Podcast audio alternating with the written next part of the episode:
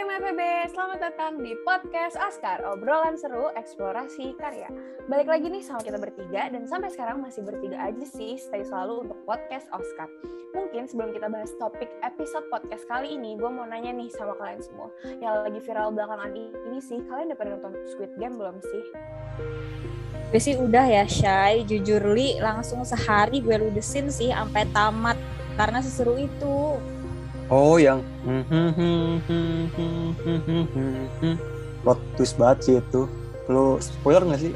Iya kan, plot twist banget, tapi seru banget woy. Eh, tapi gara-gara si Squid Games ini, followers IG aktor sama aktrisnya itu tuh jadi melejit banget gitu ya.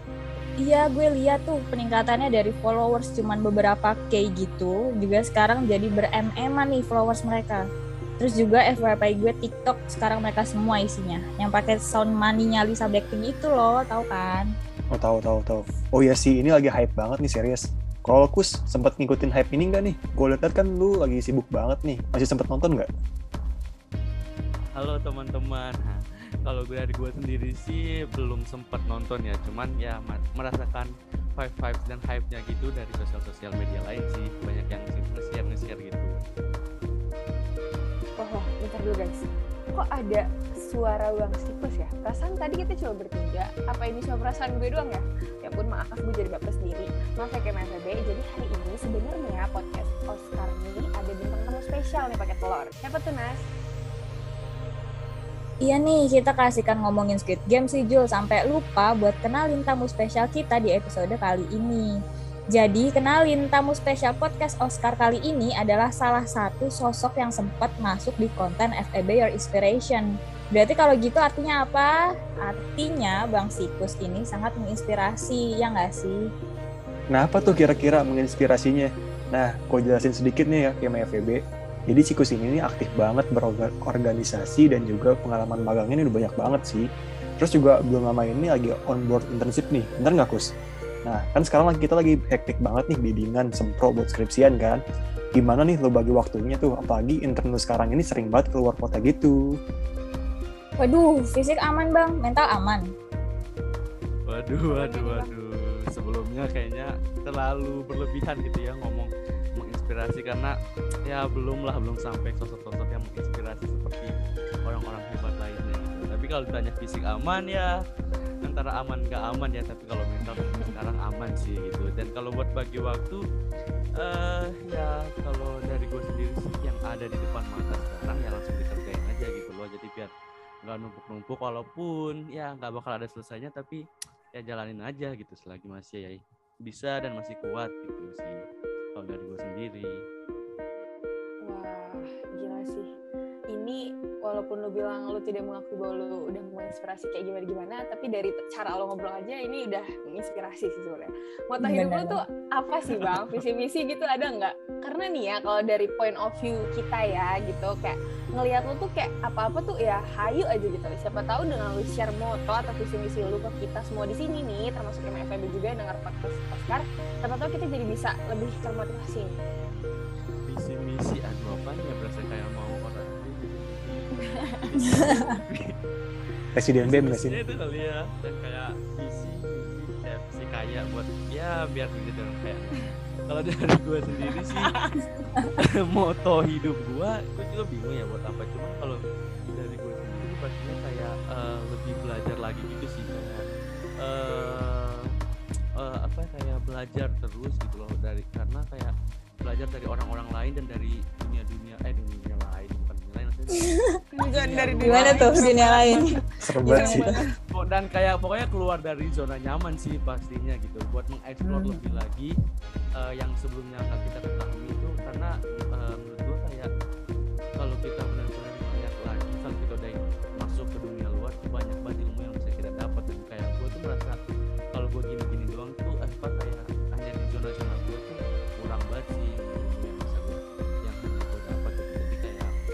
ya moto gue sih kalau bisa saat ini mengeksplor atau masih uh, bisa belajar lebih lagi ya lakuin aja selagi masih kuat Wih, berarti intinya buat Kema FEB eh, jangan pernah berhenti belajar gitu. Explore terus ya Kema FEB. Gitu.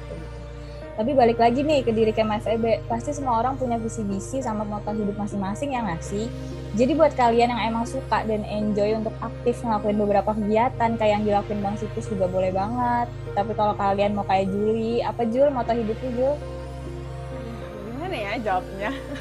Moto hidup Gimana gue sih jawabnya? pelan tapi pasti ya. Gue tuh anaknya tuh gak aktif banget, tapi tetap gue usahain untuk aktif sih. Semua yang wajar-wajar aja itu nggak apa-apa, asal jangan ya hiperaktif aja, ntar masuk IGD lagi loh itu beda dong hiperaktif aja. Maksud lo mungkin jangan terlalu pressure diri sendiri nggak sih? Kayak harus bisa manage waktu juga buat diri lo sendiri. Work life balance ya Shay betul tuh Nas. Gus sekarang gue pengen nanya nih perjalanan aktifan lo nih selama di kuliah kayak pas masih maba dulu nih ikut organisasi apa aja tuh? Apalagi kayak sekarang nih buat maba-maba sekarang kayak masih bingung gitu mau ikut organisasi apa aja. Apa jangan-jangan lo ikut organisasi dari semester satu nih? Uh, kalau dari gue sih kayak perjalanan keaktifan kuliah sebenarnya gue dibilang kayak aktif organisasi nggak banget ya cuman emang benar kayak uh, dari awal tuh gue udah masuk ke salah satu organisasi yang ada di FPB juga gitu. Jadi kayak perjalanan gue masuk organisasi karena uh, itu dari dibilang semester 2 baru mulai mengaktif organisasinya itu apa masuknya itu di semester 2 gitu. kayak ya dari semester 2 terus kayak lanjut lagi semester 2 lanjut kayak wah ya, kayak bisnis itu gue dapat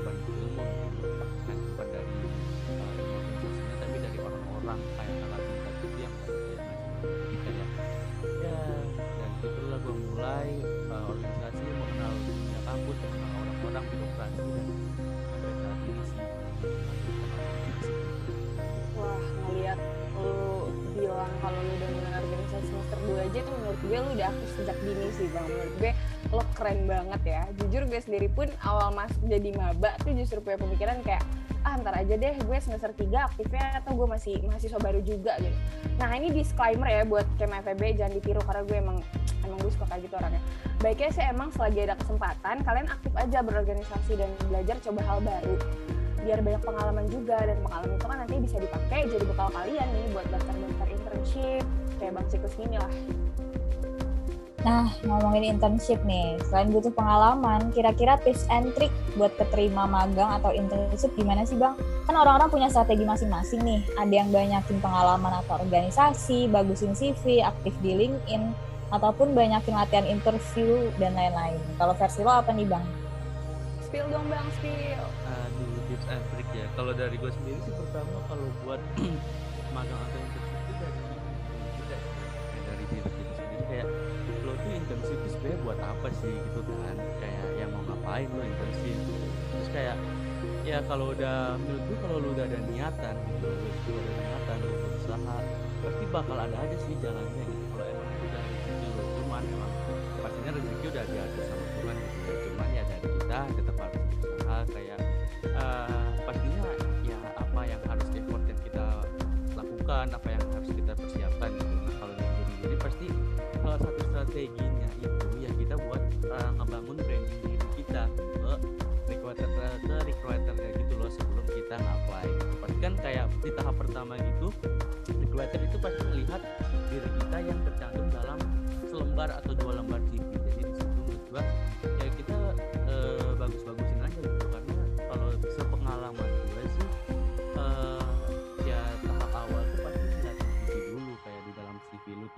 nggak penting dah desainnya apa desainnya lu pakai apa pakai apa warna apa yang penting kontennya dalamnya itu apa pengalaman lu atau apa yang lu buat. Nah baru di situ uh, kalau udah itu tuh tahap pertama kali regulator ngeliat lu apa sih yang menarik dari diri lu? Jadi kayak ya itu bagusin isi kontennya ya isi konten CV bukan isi desain CV-nya gitu. Baru setelah itu ya udah tahap ke interview ya bagaimana cara lu bagus-bagusin dulu tapi bukan fairness tapi yang benar-benar yang value dari diri yang punya itu sih. Pokoknya kayak uh, tetap uh, cari-cari aja sih kayak uh, apa namanya pengalaman dari orang-orang. Karena gue juga uh, kayak begitu sih.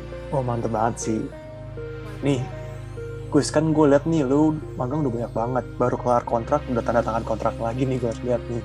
Gue mau nanya nih sebenarnya lu ini buat magang-magang ini tuh udah well prepared karir buat sejak awal ini. Jadi kayak misalnya lu udah buat to do list gini sejak jenjang karir lu dari magang-magang-magang tiba-tiba jadi karyawan kontrak jadi karyawan tetap gitu. Atau ada perusahaan-perusahaan yang lu pengen menjadi karyawan tetap di sana gitu. Karena gue liat tempat-tempat magang lu nih keren-keren banget sih terus bikin insecure sih kalau gue waduh waduh. Insecure uh, kayak tadi yang gue bilang lagi sih kayak uh, ditanyakan ini kayak awal niat lo magang apa? Itu tadi yang kayak tadi sebelumnya gue bilang sebelum magang itu kayak apa sih lo tuh pengen lo tuh magang tuh buat apa gitu? Kayak gini lo apa? Apakah lo cuma buat hanya gaya-gayaan bikin konten di TikTok dengan pakai lanyard coach dan apa dan segala macam atau emang CBD banget nih. nah, iya. SCBD banget nih. Day in my life gitu ya ntar besok uh, jangan ke ya ke Kuningan atau ke Allianz Tower dan lain-lainnya biar lebih lagi gitu. Nah uh, lanjut lagi ya. Uh, kalau dibilang awalnya cuma itu pertama apa karena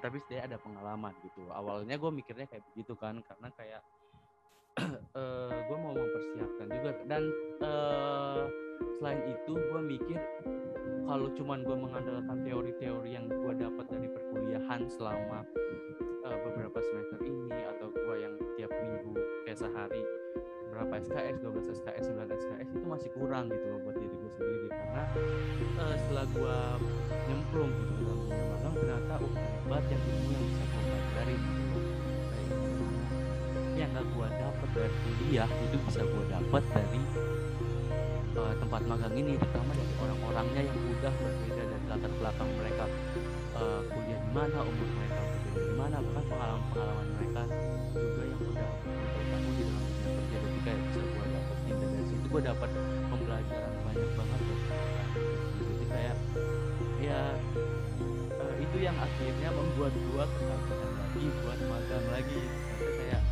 oh di sini enak dan sini enak dan situ akhirnya kayak eh, oke gue coba lagi gitu. Di awal-awal magang pertamanya gue kayak cuma mikir ah yang penting gue bisa tahu nih dunia dunia pekerjaan gimana tapi eh, gue kayak dapat inspirasi lagi di tempat magang sebelumnya kayak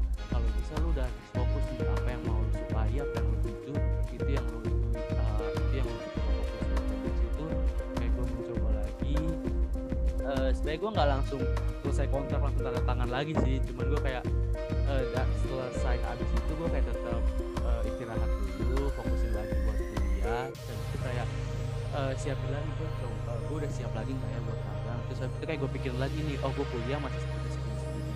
Bisa nggak ya gue bagi waktu kalau gue udah, udah selesai atau gue udah mempersiapkan itu baru deh gue coba lagi gue lihat-lihat kayak eh, apa namanya kalau dilihat lowongan magang banyak sih. ya banget yang posisinya. Sebenarnya ada apa-apa aja tapi ya itu gue lihat lagi apa nih yang benar-benar sekarang sesuai sama passion gue apa yang emang buat karir gue gitu kan. Kayak gue sekarang di finance. Jadi ya yang berhubungan berhubungan dengan finance gitu sih yang buat Tapi kayak eh, sebelumnya kan kayak udah ber- di beberapa posisi. Jadi di saat ini ya lagi buat coba memfokuskan apa yang gue ingin sekarang gitu. Aduh gue ngomong panjang banget kali lebar nih ya.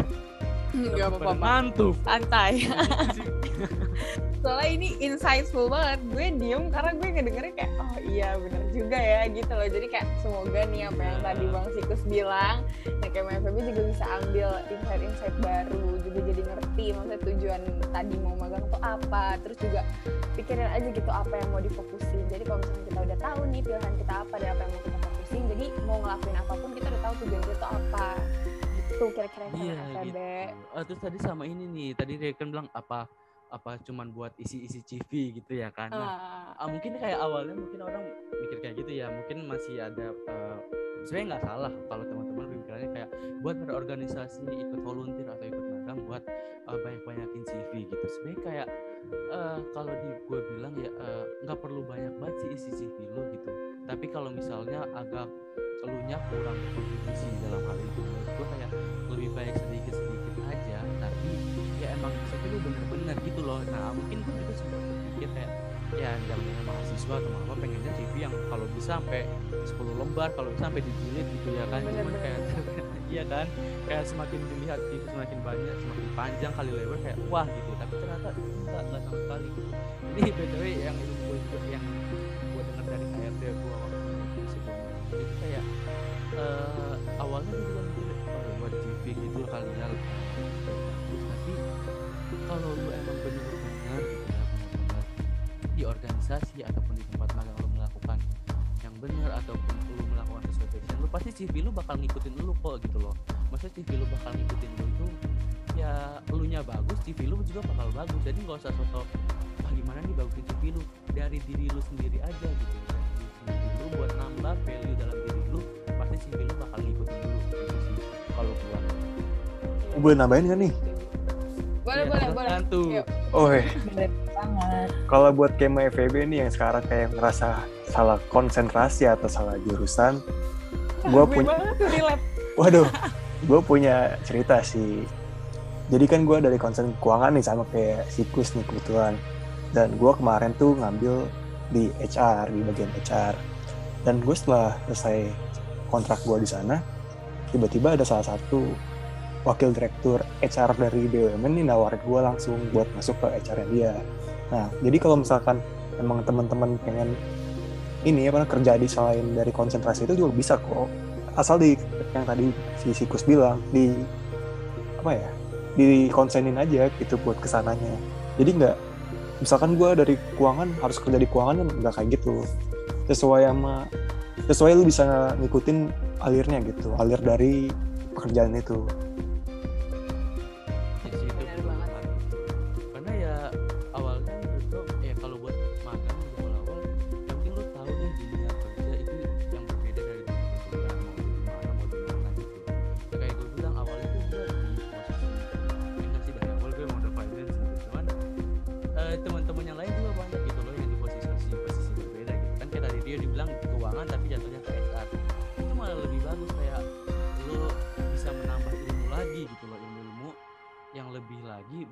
Langsung prakteknya gitu dibandingkan kayak lu harus daripada teori menurut gue gitu sih nggak harus sesuai jurusan yang penting yaitu sesuai minat lu kalau lu udah passion di situ lu minat di situ pasti lu bakal terus-terus belajar gitu lu apa kayak keinginan lu tuh pasti bakal ngebantu lu gitu loh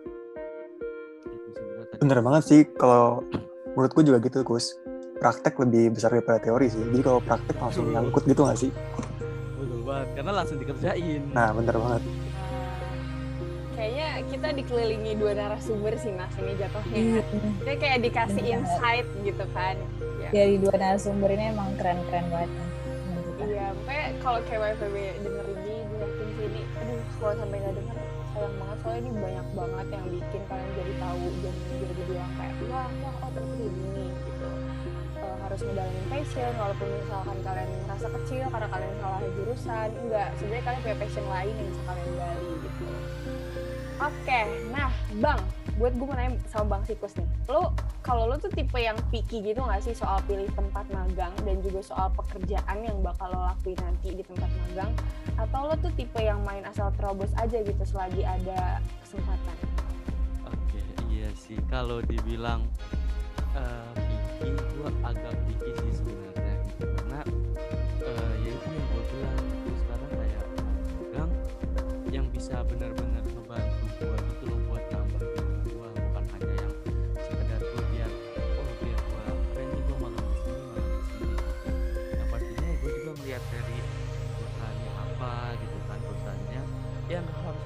bagus cuman pasti jelas gitu dan kalau perusahaan jelas ya pasti job desknya juga jelas dong anak-anak magang anak intern itu dikasih job desknya jelas. Nggak hanya cuma di monoton doang gitu itu yang dijelasin jadi kayak eh pasti kan biasanya kalau eh, perusahaan ngebuka lowongan itu kalau job itu kan pasti dia eh, ngejelasin eh, requirementnya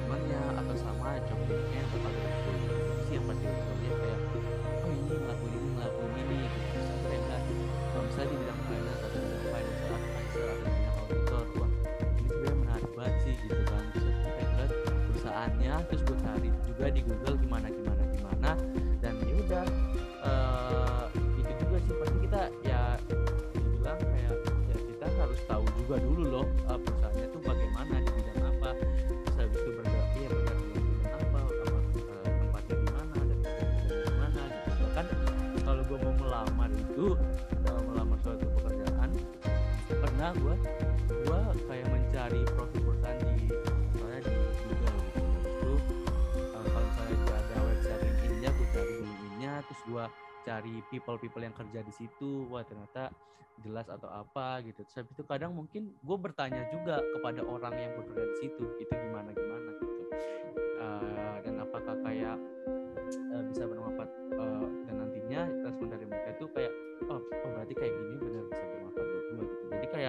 dibilang picky ya ya cukup picky sih karena ya itu yang gue bilang kita harus tahu harus tahu sih.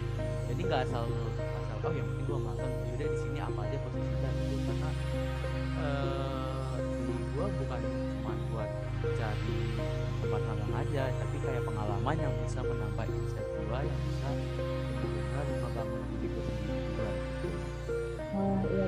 sih bang. Kita harus lihat dulu nih dari job job recruitmentnya, dari uh, perusahaannya juga gitu. Apakah nih perusahaan yang uh, bisa ngasih tempat buat kita buat belajar lagi.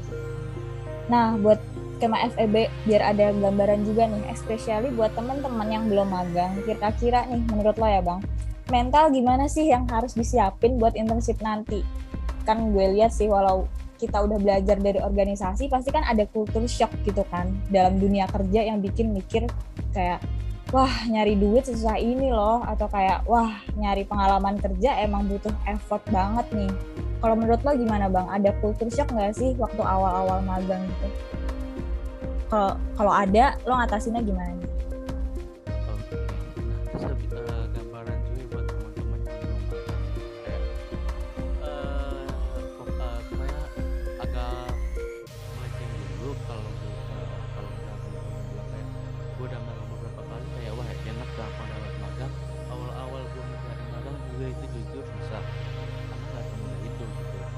gue sampai sekarang nggak semudah itu mendapatkan itu karena ada perjuangan juga sebelum sebelumnya kayak susahnya magang apalagi kayak ya saya dengan kita dari ya, beberapa universitas yang tidak terkenal gitu. Nah, eh, buat alternatifnya dari beberapa di beberapa dua tempat ini ya ada beda-bedanya sih memasuki memasuki perusahaan baru ya ada eh, budaya mereka sendiri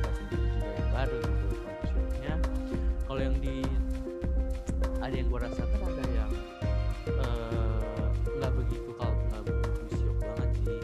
Pokoknya kayak eh, kalau buat anak itu pasti eh, kita tuh ada atasan atau ada usernya gitu yang pasti kita bakal dibantu. Kayak lu pertama kali masuk nggak mungkin langsung di vlog nggak bakal langsung dikasih oh kamu harus gini kamu harus gini pasti dibantu dan dibimbing sama mereka gitu. Karena mereka tahu kita juga masih kuliah atau apa gitu. Kalau itu kalau yang gue shocknya mungkin jadi ini sih lu dikelilingin sama ada aja orang yang workaholic gitu loh yang dia bakal oh, kerja kerja kerja terus yang bakal lembur atau yang bakal kayak eh, lu nggak mau selesai eh, kalau eh, lu nggak bakal istirahat kalau tugas eh, kerjaanmu tuh belum selesai. Mungkin kayak itu sih kayak para workaholicnya mereka banget gitu. Terus habis itu kayak uh, terus kerja yang sama umurnya ada yang lebih tua dari kita yang udah senior senior yang udah jago-jago banget. Dan sedangkan kita masih kayak ah bagaimana ini? Mungkin siapnya gitu sih karena mereka udah pada gitu dan udah kayak eh, lihai gitu loh dalam pekerjaan. Dan bahkan buat multitasking aja mereka udah bisa gitu. Terus kayak ya eh, uh, mungkin agak ke situ sih karena udah harus beradaptasi dan bekerja sama eh, orang-orang uh, yang udah lebih tua. 5 tahun, 10 tahun, 20 tahun. Dari kita yang bahkan pengalaman mereka juga udah luar biasa. Itu sih yang kayak ya mungkin insecure gitu ya kayak waduh kita belum tahu ada apa-apaan. Nah, terus habis itu di tempat yang lain juga gue merasakan kayak wah yang namanya pada ambis banget yang kayak dikasih, dikasih kerjaan langsung tek tek tek tanpa ada nunda-nunda gitu. Terus habis yang ada deadline-nya langsung ini ini ini terus yang harus disuruh kerja ini, ini harus siap gitu sih kayak ya mempersiapkan diri buat buat yang ya agak rebahan-rebahan mungkin ya harus diubah jadinya ya kebiasaannya yang deadline Wah, ataupun yang gue ngerasa gitu. tersindir bang sorry Parah sih. Thank you. kan Kena banget ya Jul. iya Kena Rebahan banget. nih, kaum Kena rebahan. Harus diubah sih Jul. Betul karena di mungkin beberapa ini kali ya alasan gue lama dapet intern nih kayak gue rebahan terus sih. Thank you banget ya bang udah nyindirin gue secara halus. Nggak ada maksudnya sih, tapi emang bener gitu. Kayak ya dunia pekerjaan tuh bahkan ada orang yang kayak eh, apa namanya act to five. Kalian tahu ini nggak? Istilah act to five? Apa tuh? Waduh. enggak spill dong. Spill lah. oh gitu. Jadi kalau di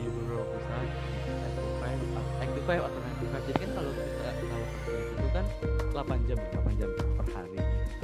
Act to five itu maksudnya dari jam 8 sampai jam 5 jam 8 pagi sampai jam 5 pagi. Jadi kayak yaudah lu kerja act to five lu bener-bener bekerja setelah uh, selesai act to five yaudah lu udah mulai lihai-lihai. Tapi di act to five itu lu bener-bener tanggung jawab lu kerja nggak boleh ada ya nggak boleh ada lihai-lihainya gitu. Baru setelah selesai dari act to five yaudah selalu mau apa lu nggak kerja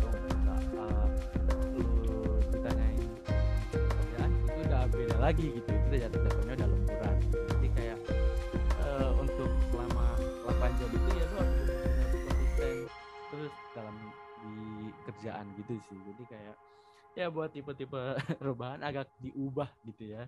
Dan eh, itu juga pasti bakal terbiasa sih. Jadi kayak eh, lu bakal kayak mungkin ya lingkungan-lingkungannya beda-beda. Jadi kayak bisa kebawa lu juga buat ada kebawa gitu loh buat eh, kerja juga gitu loh jadi kayak pengen pengen malesan pengen rebahan kayak aduh ini udah pusing tapi ngeliat teman-teman ngeliat orang-orang di sekeliling lagi pada fokus laptop bla bla bla bla jadi kayak agak malu sendiri sih ya itu yang awal-awal kaget gitu. ini kalau kemarin Feby denger tadi yang ditekenin sama Bang Sikus tuh sebenarnya rebahan ini tuh agak rebahannya tuh tadi ne- nekenin banget ya di di bagian diubahnya tuh diteken banget gitu. Pokoknya ya Diubah kalian gitu ya. sadar. Ah, ah, diubah banget. tipe-tipe Oh, rebahan tipe-tipe deadl- tipe-tipe deadliner gitu. Iya bener bener wah. Kebetulan tadi kan Bang Sikus ngomong 8 to 5 ya kan 8 jam itu kerja. Berarti kalau sekarang kan dia udah setelah jam 5 sore nih ya sekarang malam nih. Berarti kita udah ngambil waktu istirahat lo ya Bang sebenarnya? Oh sebenarnya harusnya istirahat kan? Harusnya. Oh iya harusnya ya Coba kan? nih ya, KWFB demi demi podcast Oscar seorang Bang Sikus mau merelakan waktu istirahatnya ya untuk mengisi podcast malam hari ini. Jadi kalau sampai kalian nggak dapet insight nggak ngerti lagi sih. Parah banget sih. sebenarnya cuman ya ada juga kerjaan-kerjaan dikit lah Iya, beda sih ya. Kalau kita kan udah nggak ada Kerjaan. kerjaan nih. Kalau yang rebahannya tadi udah diubah, itu pasti masih banyak kerjaan meskipun setelah jam 5 gitu. Gue juga setuju sih. Ada orang-orang yang workaholic di kerjaan. Kayak gue contohnya mulai tuh jam 8 sampai jam 5. Tapi waktu itu gue sampai disuruh ikut Zoom juga dari jam 7 sampai jam 9 malam. Gue kaget waktu awal-awal. Wah kan udah di luar dari 8 to 5 ini nih. Gue masih disuruh ikut Zoom. Nah, kus gue juga pengen nanya lagi nih. Karena ini, relate banget sih kalau menurut gue sama case-case sekarang ini. Menurut lu nih ya, soal intern yang nggak dibayar atau unpaid tuh gimana? Karena kan selain kita pengen dapet ilmu nih dari magang ini, kita juga pengen dapet ini dong, penghasilan dong selama kuliah-kuliah ini.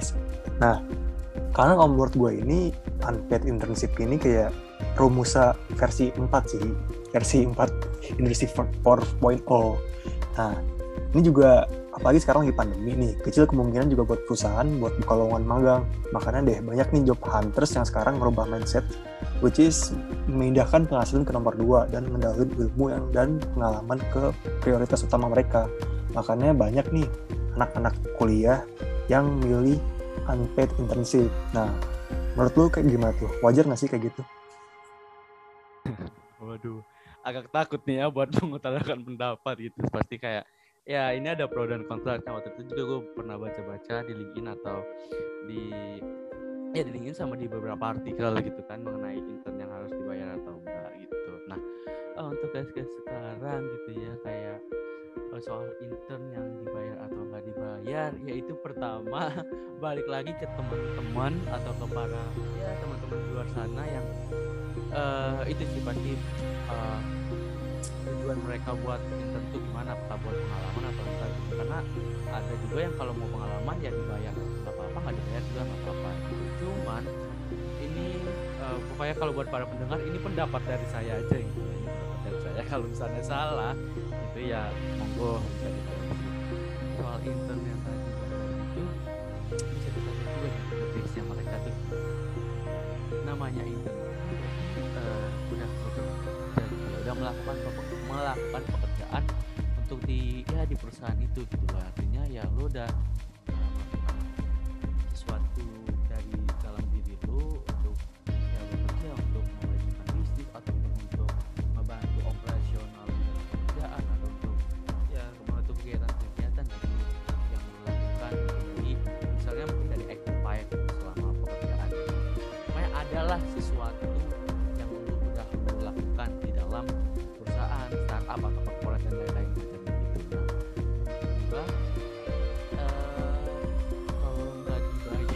itu agak gimana ya? Maksudnya eh, pertama buat kita kalau misalnya WFO aja gitu ya kan eh, ada ongkosnya sendiri gitu. Ongkos dari kita eh, dari rumah buat ke tempat itu gitu kan. Setuju, kita setuju. ya kan? Misalnya kita nggak kling langsung pakai pintu Doraemon nyampe gitu kan. Pertama itu. Yang kedua kalau kerja tetap di 8 sampai 5 eh, 8 sampai jam 5 gitu kalau WFO intinya antara WFO sama WFO gitu ya kan kita juga butuh makan gitu ya kan. makan siang lah sebenarnya buat nambah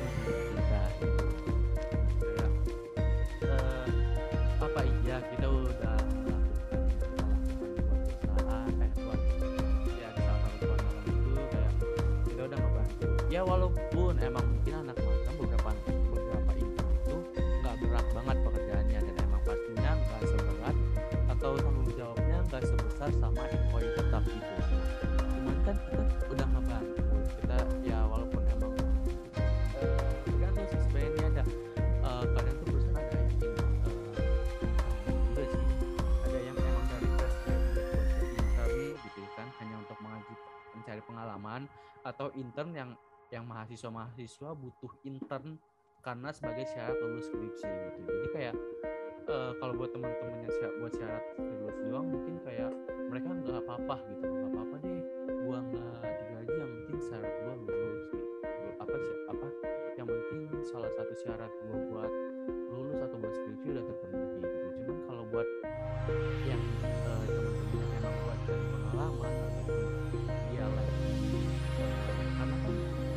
statusnya mahasiswa buat jadi employee tetap itu susah ya karena kita juga belum ada lulus itu belum ada lulus apa status lulus jadi kayak ya pasti kan buat magang-magang gitu ya kebutuhan ada yang tinggal kondisi. Jadi menurut gue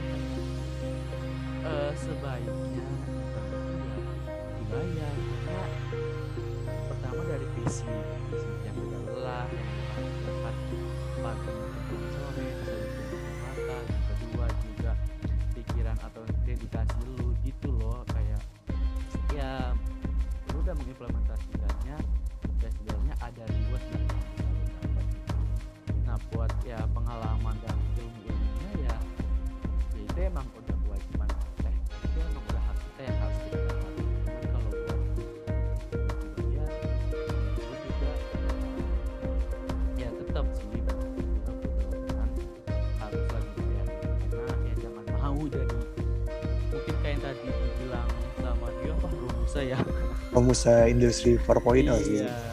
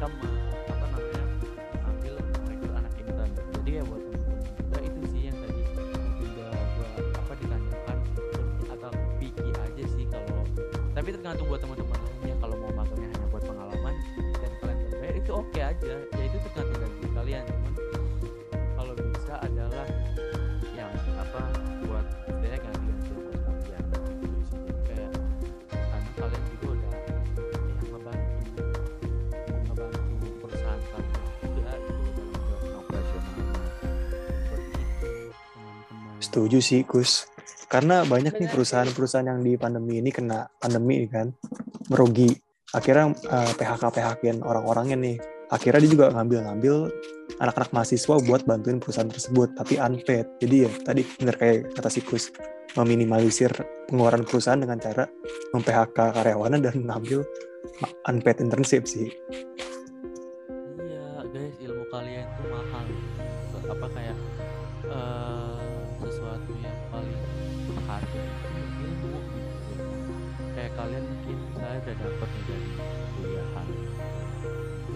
Effort kalian aja juga udah luar biasa gitu. jadi kayak ya coba aja tapi itu kayak gue bilang balik lagi ke teman-teman gimana gue bilang ya ini harus ini itu berharga lu harus dihargai itu jadi Wah, enggak enggak benar-benar. Gue salah satu kalimat yang paling gue suka lu tuh berharga.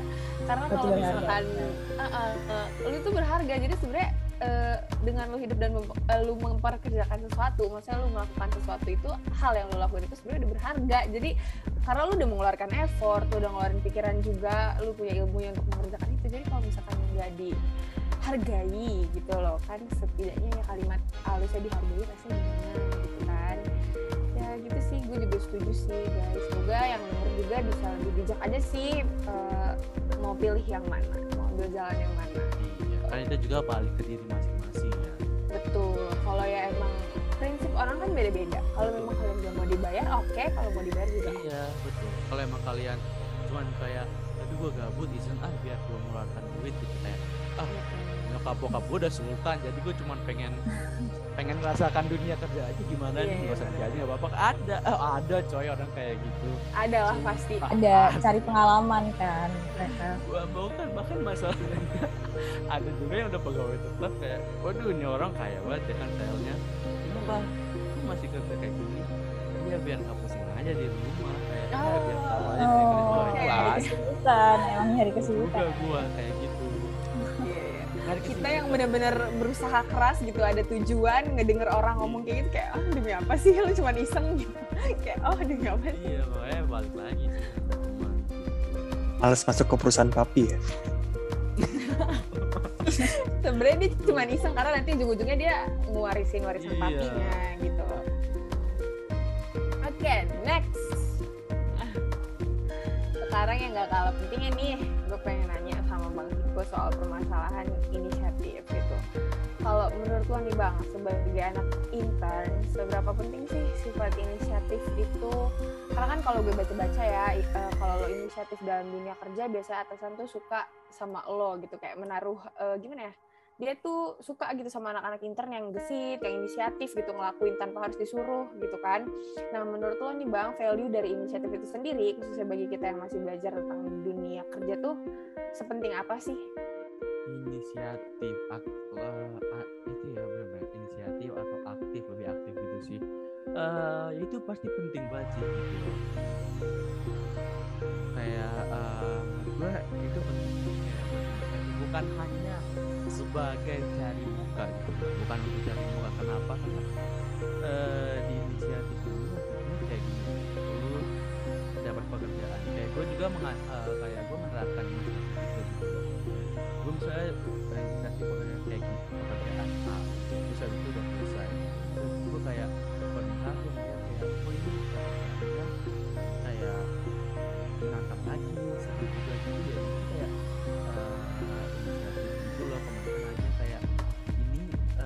inisiatif maksudnya bukan berarti lu kayak cari-cari muka oh ini ada yang bisa saya eh, maksudnya gitu bu.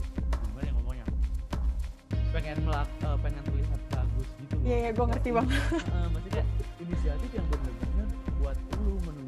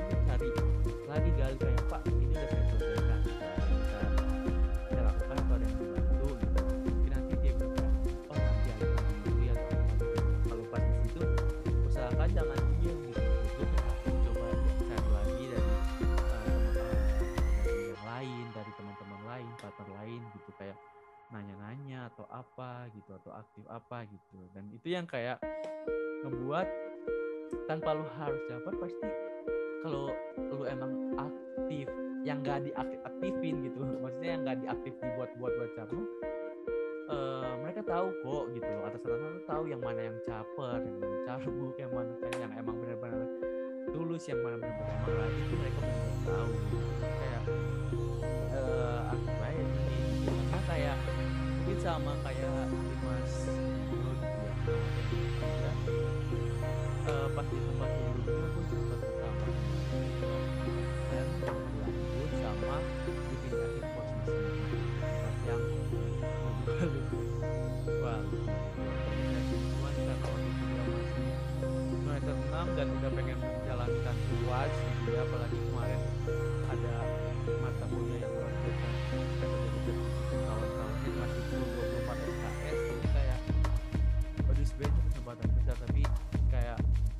ya itu gue coba lagi kayak gue nggak asal kayak oh ada gini robot-robot buat apa kayak buat apa kalau buat masukin semua kalau buat tetap lanjutin tapi di kuliah gue keteter nanti juga di sini keteter jadi kayak nggak maksimal ya buat apa juga gitu Harus ada prioritas ya ya.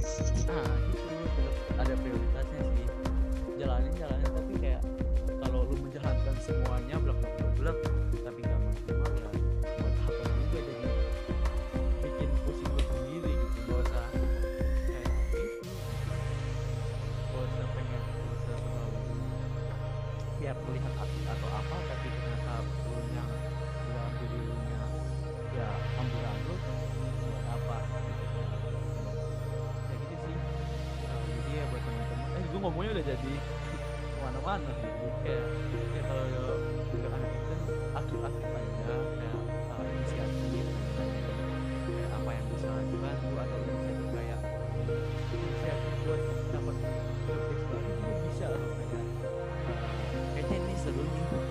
atau ini seru nih kayak gini saya bisa belajar nggak buat dari ini? Itu pasti mereka bakal kayak oh iya bisa bisa gitu. Karena itu yang mereka bakal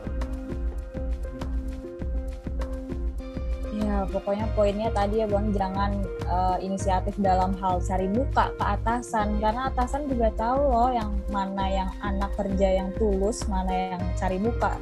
Mereka tuh biasanya cari muka, uh, harapannya kayak ih nanti gue fresh graduate kayaknya bakal ditarik nih sama atasan gara-gara gue rajin gitu padahal kan atasan juga tahu kalian yang uh, ngerjain tulus mana yang emang bener-bener rajin mana yang emang cuma sekedar cari muka. Ya next nih pertanyaan untuk Bang Sikus. Buat temen-temen nih banyak banget yang belum magang tapi tuh mereka takut gitu loh suka overthink duluan soal kayak aduh gue magang bisa nggak ya ngerjain apa yang dikasih nanti gitu. Dan lain-lain. Coba dong yakinin ke tema FEB kalau emang magang tuh bagian dari pembelajaran yang worth it banget gitu kan. Walaupun pasti prosesnya nggak mudah. Kayak tadi Bang Sikus sama Bang Rio udah cerita banyak banget kayak pengalaman magang yang emang uh, kerja lembur lah. Zoom dari jam uh, eh, 8 malam sampai jam 9 malam lah atau bahkan yang lainnya gitu coba coba share. Ini juga baik banget sih yang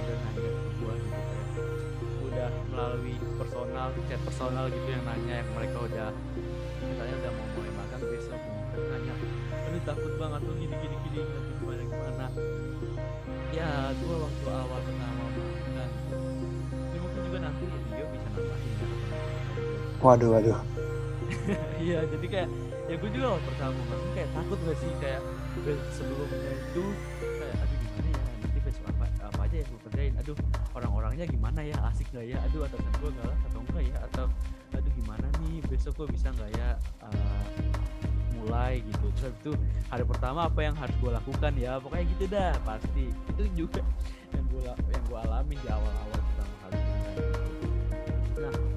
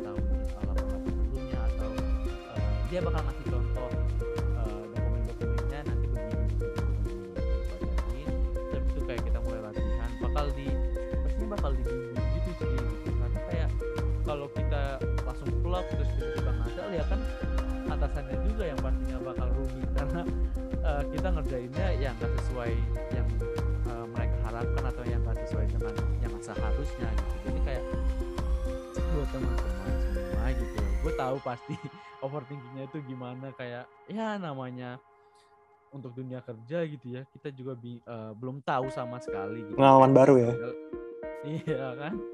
Ya makanya cari tahunya lewat ini. Itu kayak uh, pastinya uh, itu ini sih kayak uh, bakal dibimbing terus bakal diguna dan nanti bakal bertahap kalau emang benar-benar bisa ngerjain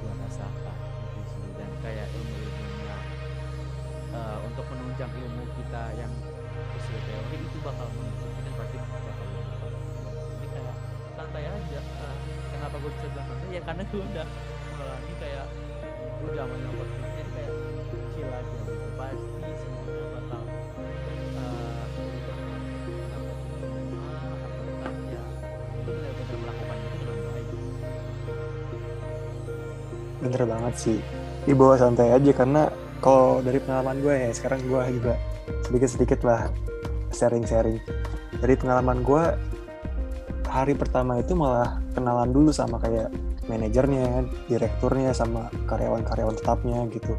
Sama pengenalan ke perusahaannya, perusahaan tuh kayak bergerak di bidang apa sebenarnya? Harus punya anak perusahaan kah? Atau misalkan pernah ekspor-ekspor apa karena dulu kan gue kerjanya di bagian ekspor garmen ya jadi dijelasin gitu punya perusahaan di mana aja di negara mana aja harus kerja sama sama negara mana aja kayak gitu. Dan juga gue salah satu yang megang ke bagian dari anak perusahaannya juga dan juga di head office karena gue kebetulan di head office-nya atau di kantor pusatnya. Dan sama kayak yang tadi Sikus bilang juga pasti setiap job-job yang dikasih itu dimentorin juga kok jadi nggak dilepas kayak ya udah sana lu kerjain deh gitu sendiri. Nggak nggak bakal gitu kok. Jadi ya jangan overthinking sih santai aja. Nah ada lagi nih hal-hal yang bikin resah soal internship nih. Salah satunya kalau misalkan kita bikin kesalahan saat kerja. Menurut lu nih Kus problem solving apa yang seharusnya kita lakukan sebagai anak magang tuh? Karena namanya juga baru belajar kan pasti ada adalah miss-miss yang bikin atas atasan gemes nih. Kalau dari gua nih gue dulu deh kalau dari gue gue waktu itu sampai kaget sih. Kayak wah diomel-omelin gue sama manajer gitu setiap kalau ada kesalahan.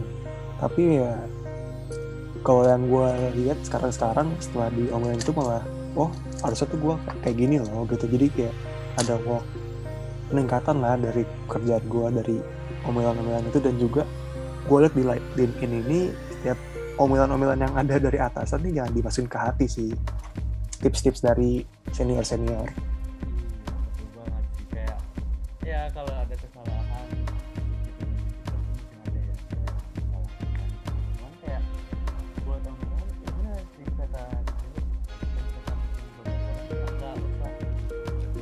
dimasukin banget gitu loh omelan mereka. Karena omelan mereka itu bukan omelan yang kayak benci atau apa gitu karena ya ya namanya atasan pengennya ya hasilnya hasil yang bagus gitu kan. Kayak mungkin kalau misalnya kita kerja kelompok ada teman yang kayak ada salah dikit pasti bikin gemes juga gitu kan kayak eh kenapa sih? Gitu. Ya itu sama halnya. Jadi kayak uh, kalau misalnya ada kesalahan gitu ya kayak kesalahan di mereka ngomelin juga nggak asal ngomelin sih. Yang gua dapetin gitu jadi ya kayak oh salah gitu. Kayak kalau di ngomelin itu ya tapi mereka masih tahu. Pasti gue yakin tapi mereka bisa kayak kenapa salah gitu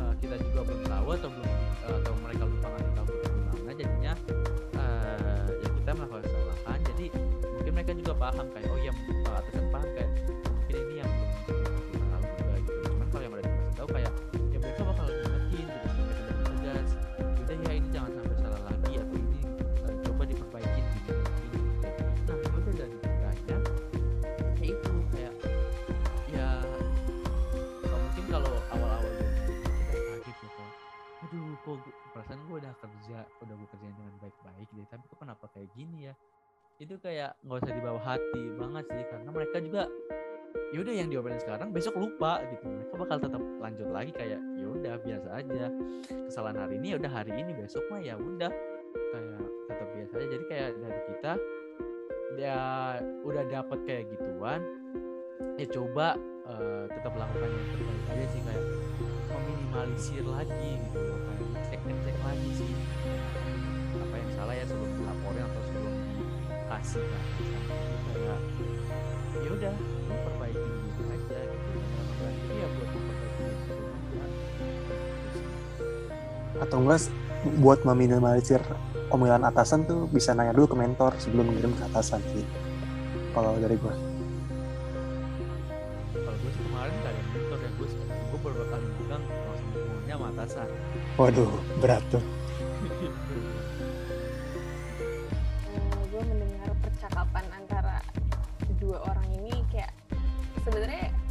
Can relate cuman kan dapat insight juga ya jadi kayak gue cuma bisa speechless sih dari tadi bener-bener kayak oh ternyata kayak gitu ternyata kayak gitu gue juga bisa banyak belajar gitu. Maksudnya oh ternyata dunia magang tuh yang kayak gini jadi harus tetap banyak belajar menerima juga gitu sih.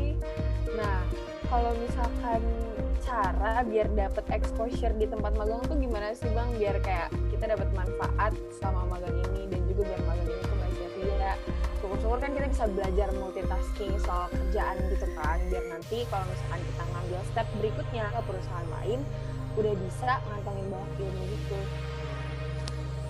Kayak cara biar dapat experience tempat magang kayak biar kita dapat apa sih yang tadi bilang ya dapat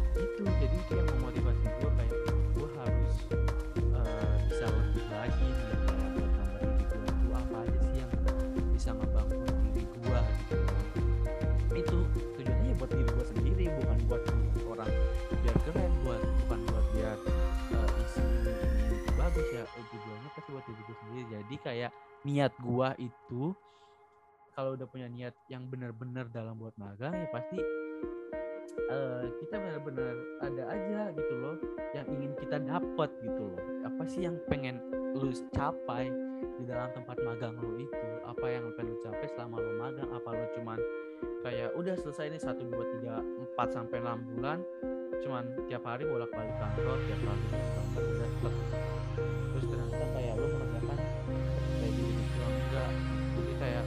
Biar manfaat yang kita dapat ini pertama gitu tujuan dan motivasi magang itu apa kalau udah ada tujuan yang kuat tekad pasti ada aja hal-hal yang bakal lu lakuin yang bakal mendorong lu kayak nge-push lu buat aktif dan inisiatif gitu loh buat ngegali lebih lagi selama kegiatan.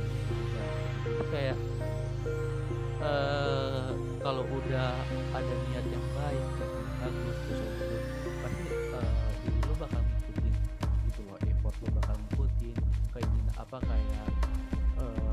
keaktifan lu juga bakal bakal ngikutin diri lu sendiri. Ya itu yang bakal buat diri lu jadi bagus gitu loh. Tan eh, ya itu balik lagi tanpa lu harus eh, kayak oh gua harus kelihatan bagus nih di depan eh, atasan gua harus kelihatan rajin tanpa tanpa lu harus pikiran gitu tapi lu udah punya yang baik itu bakal kelihatan bagus-bagus aja buat diri lu. Dan pastinya mungkin nggak nggak bakal pas lu lu semangat semangatnya pas lu lagi rajin atau dengan niat dan sungguh-sungguh selama magang itu selama mengerjakan pekerjaan kayak mungkin nggak nggak langsung dapet pas saat itu juga gitu. Tapi pas udah agak perlahan perlahan al, apa perlahan perlahan gitu atau bahkan udah pas udah mau selesai atau udah kelar gitu, lu bakal langsung kayak tek lu langsung bakal merasakan perubahan lu kayak oh iya tadinya gue kayak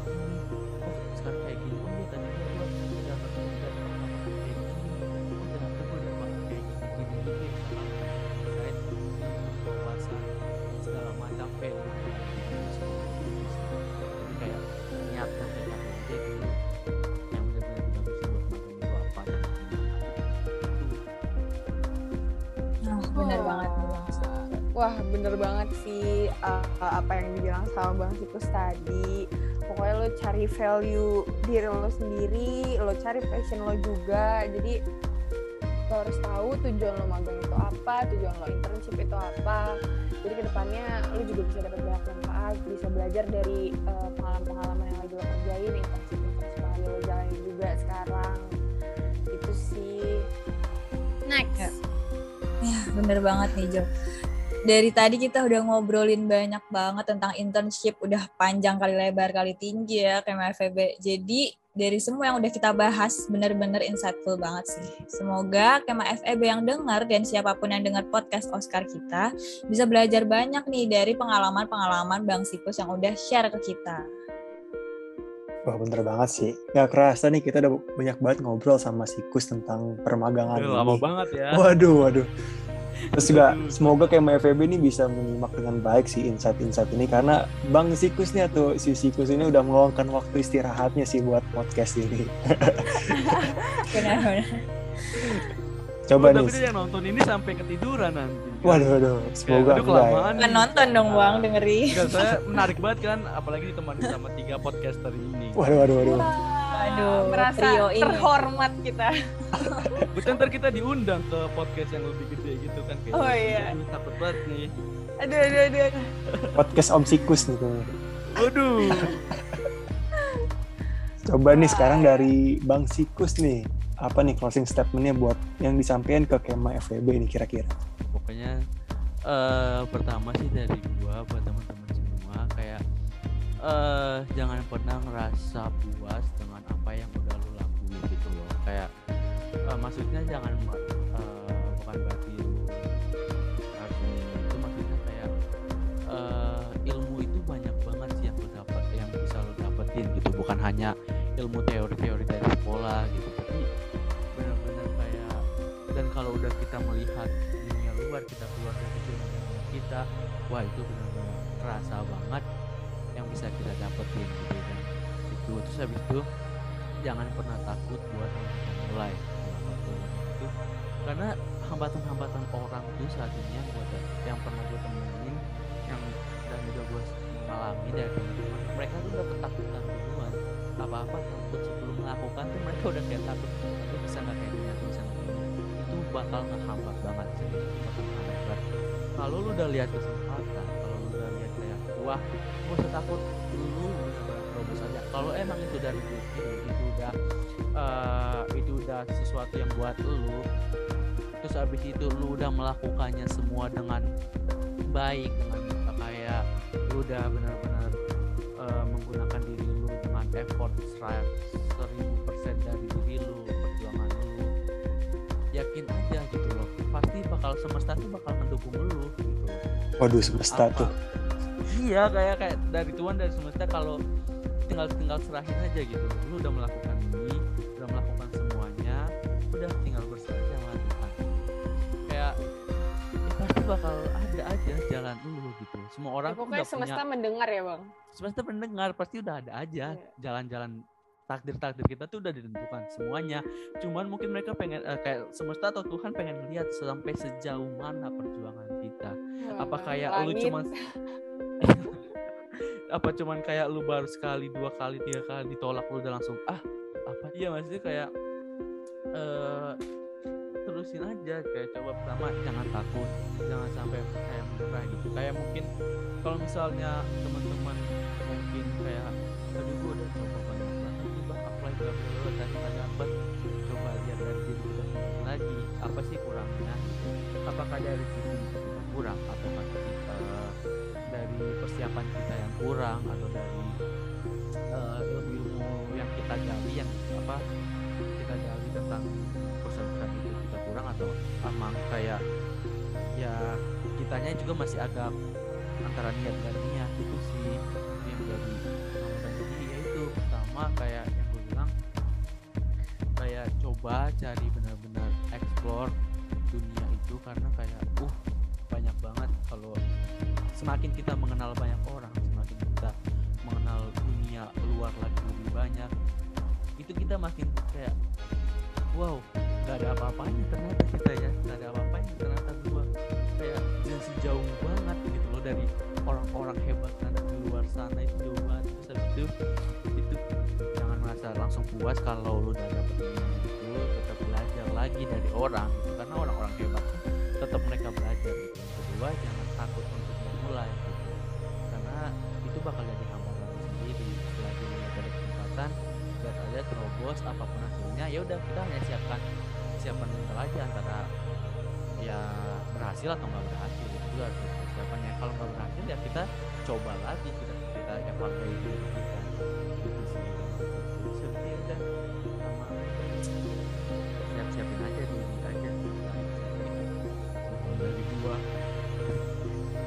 kalau yang dari gue bisa bold nih kata-kata dari lu kesempatan. Kalau dari kalau menurut gue nih kesempatan tuh gak datang dua kali sih, jadi ya terobos aja.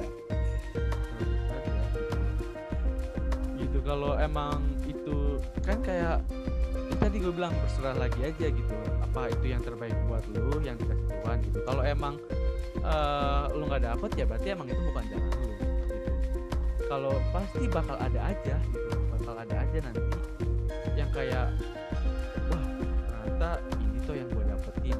Oh ternyata kemarin gue nggak dapet kayak nggak gini tuh oh kenapa sekarang gue tahu kenapa gue sekarang di sini karena ya mungkin prosesnya agak lama tapi kayak santai aja gitu loh. Nggak usah buru-buru banget nggak usah.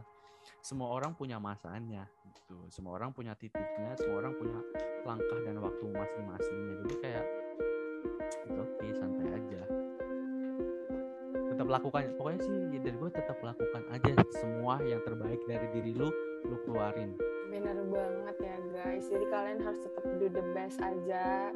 Nanti kan pokoknya kalau setiap ada kesempatan jangan dilewatin, terobos aja terus terobos gitu kan. Nanti juga eh, kita masih tahu yang terbaik buat kalian gitu. Dan semua juga indah pada waktunya. itu intinya ya guys. Pokoknya dari semua obrolan kita malam hari ini sama Bang Sekus banyak insight banget yang bisa kita dapetin.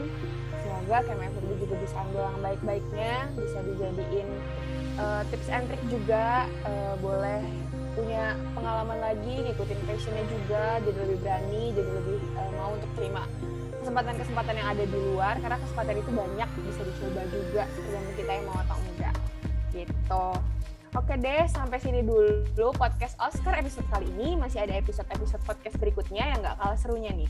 So stay tune and stay healthy whenever and wherever you are.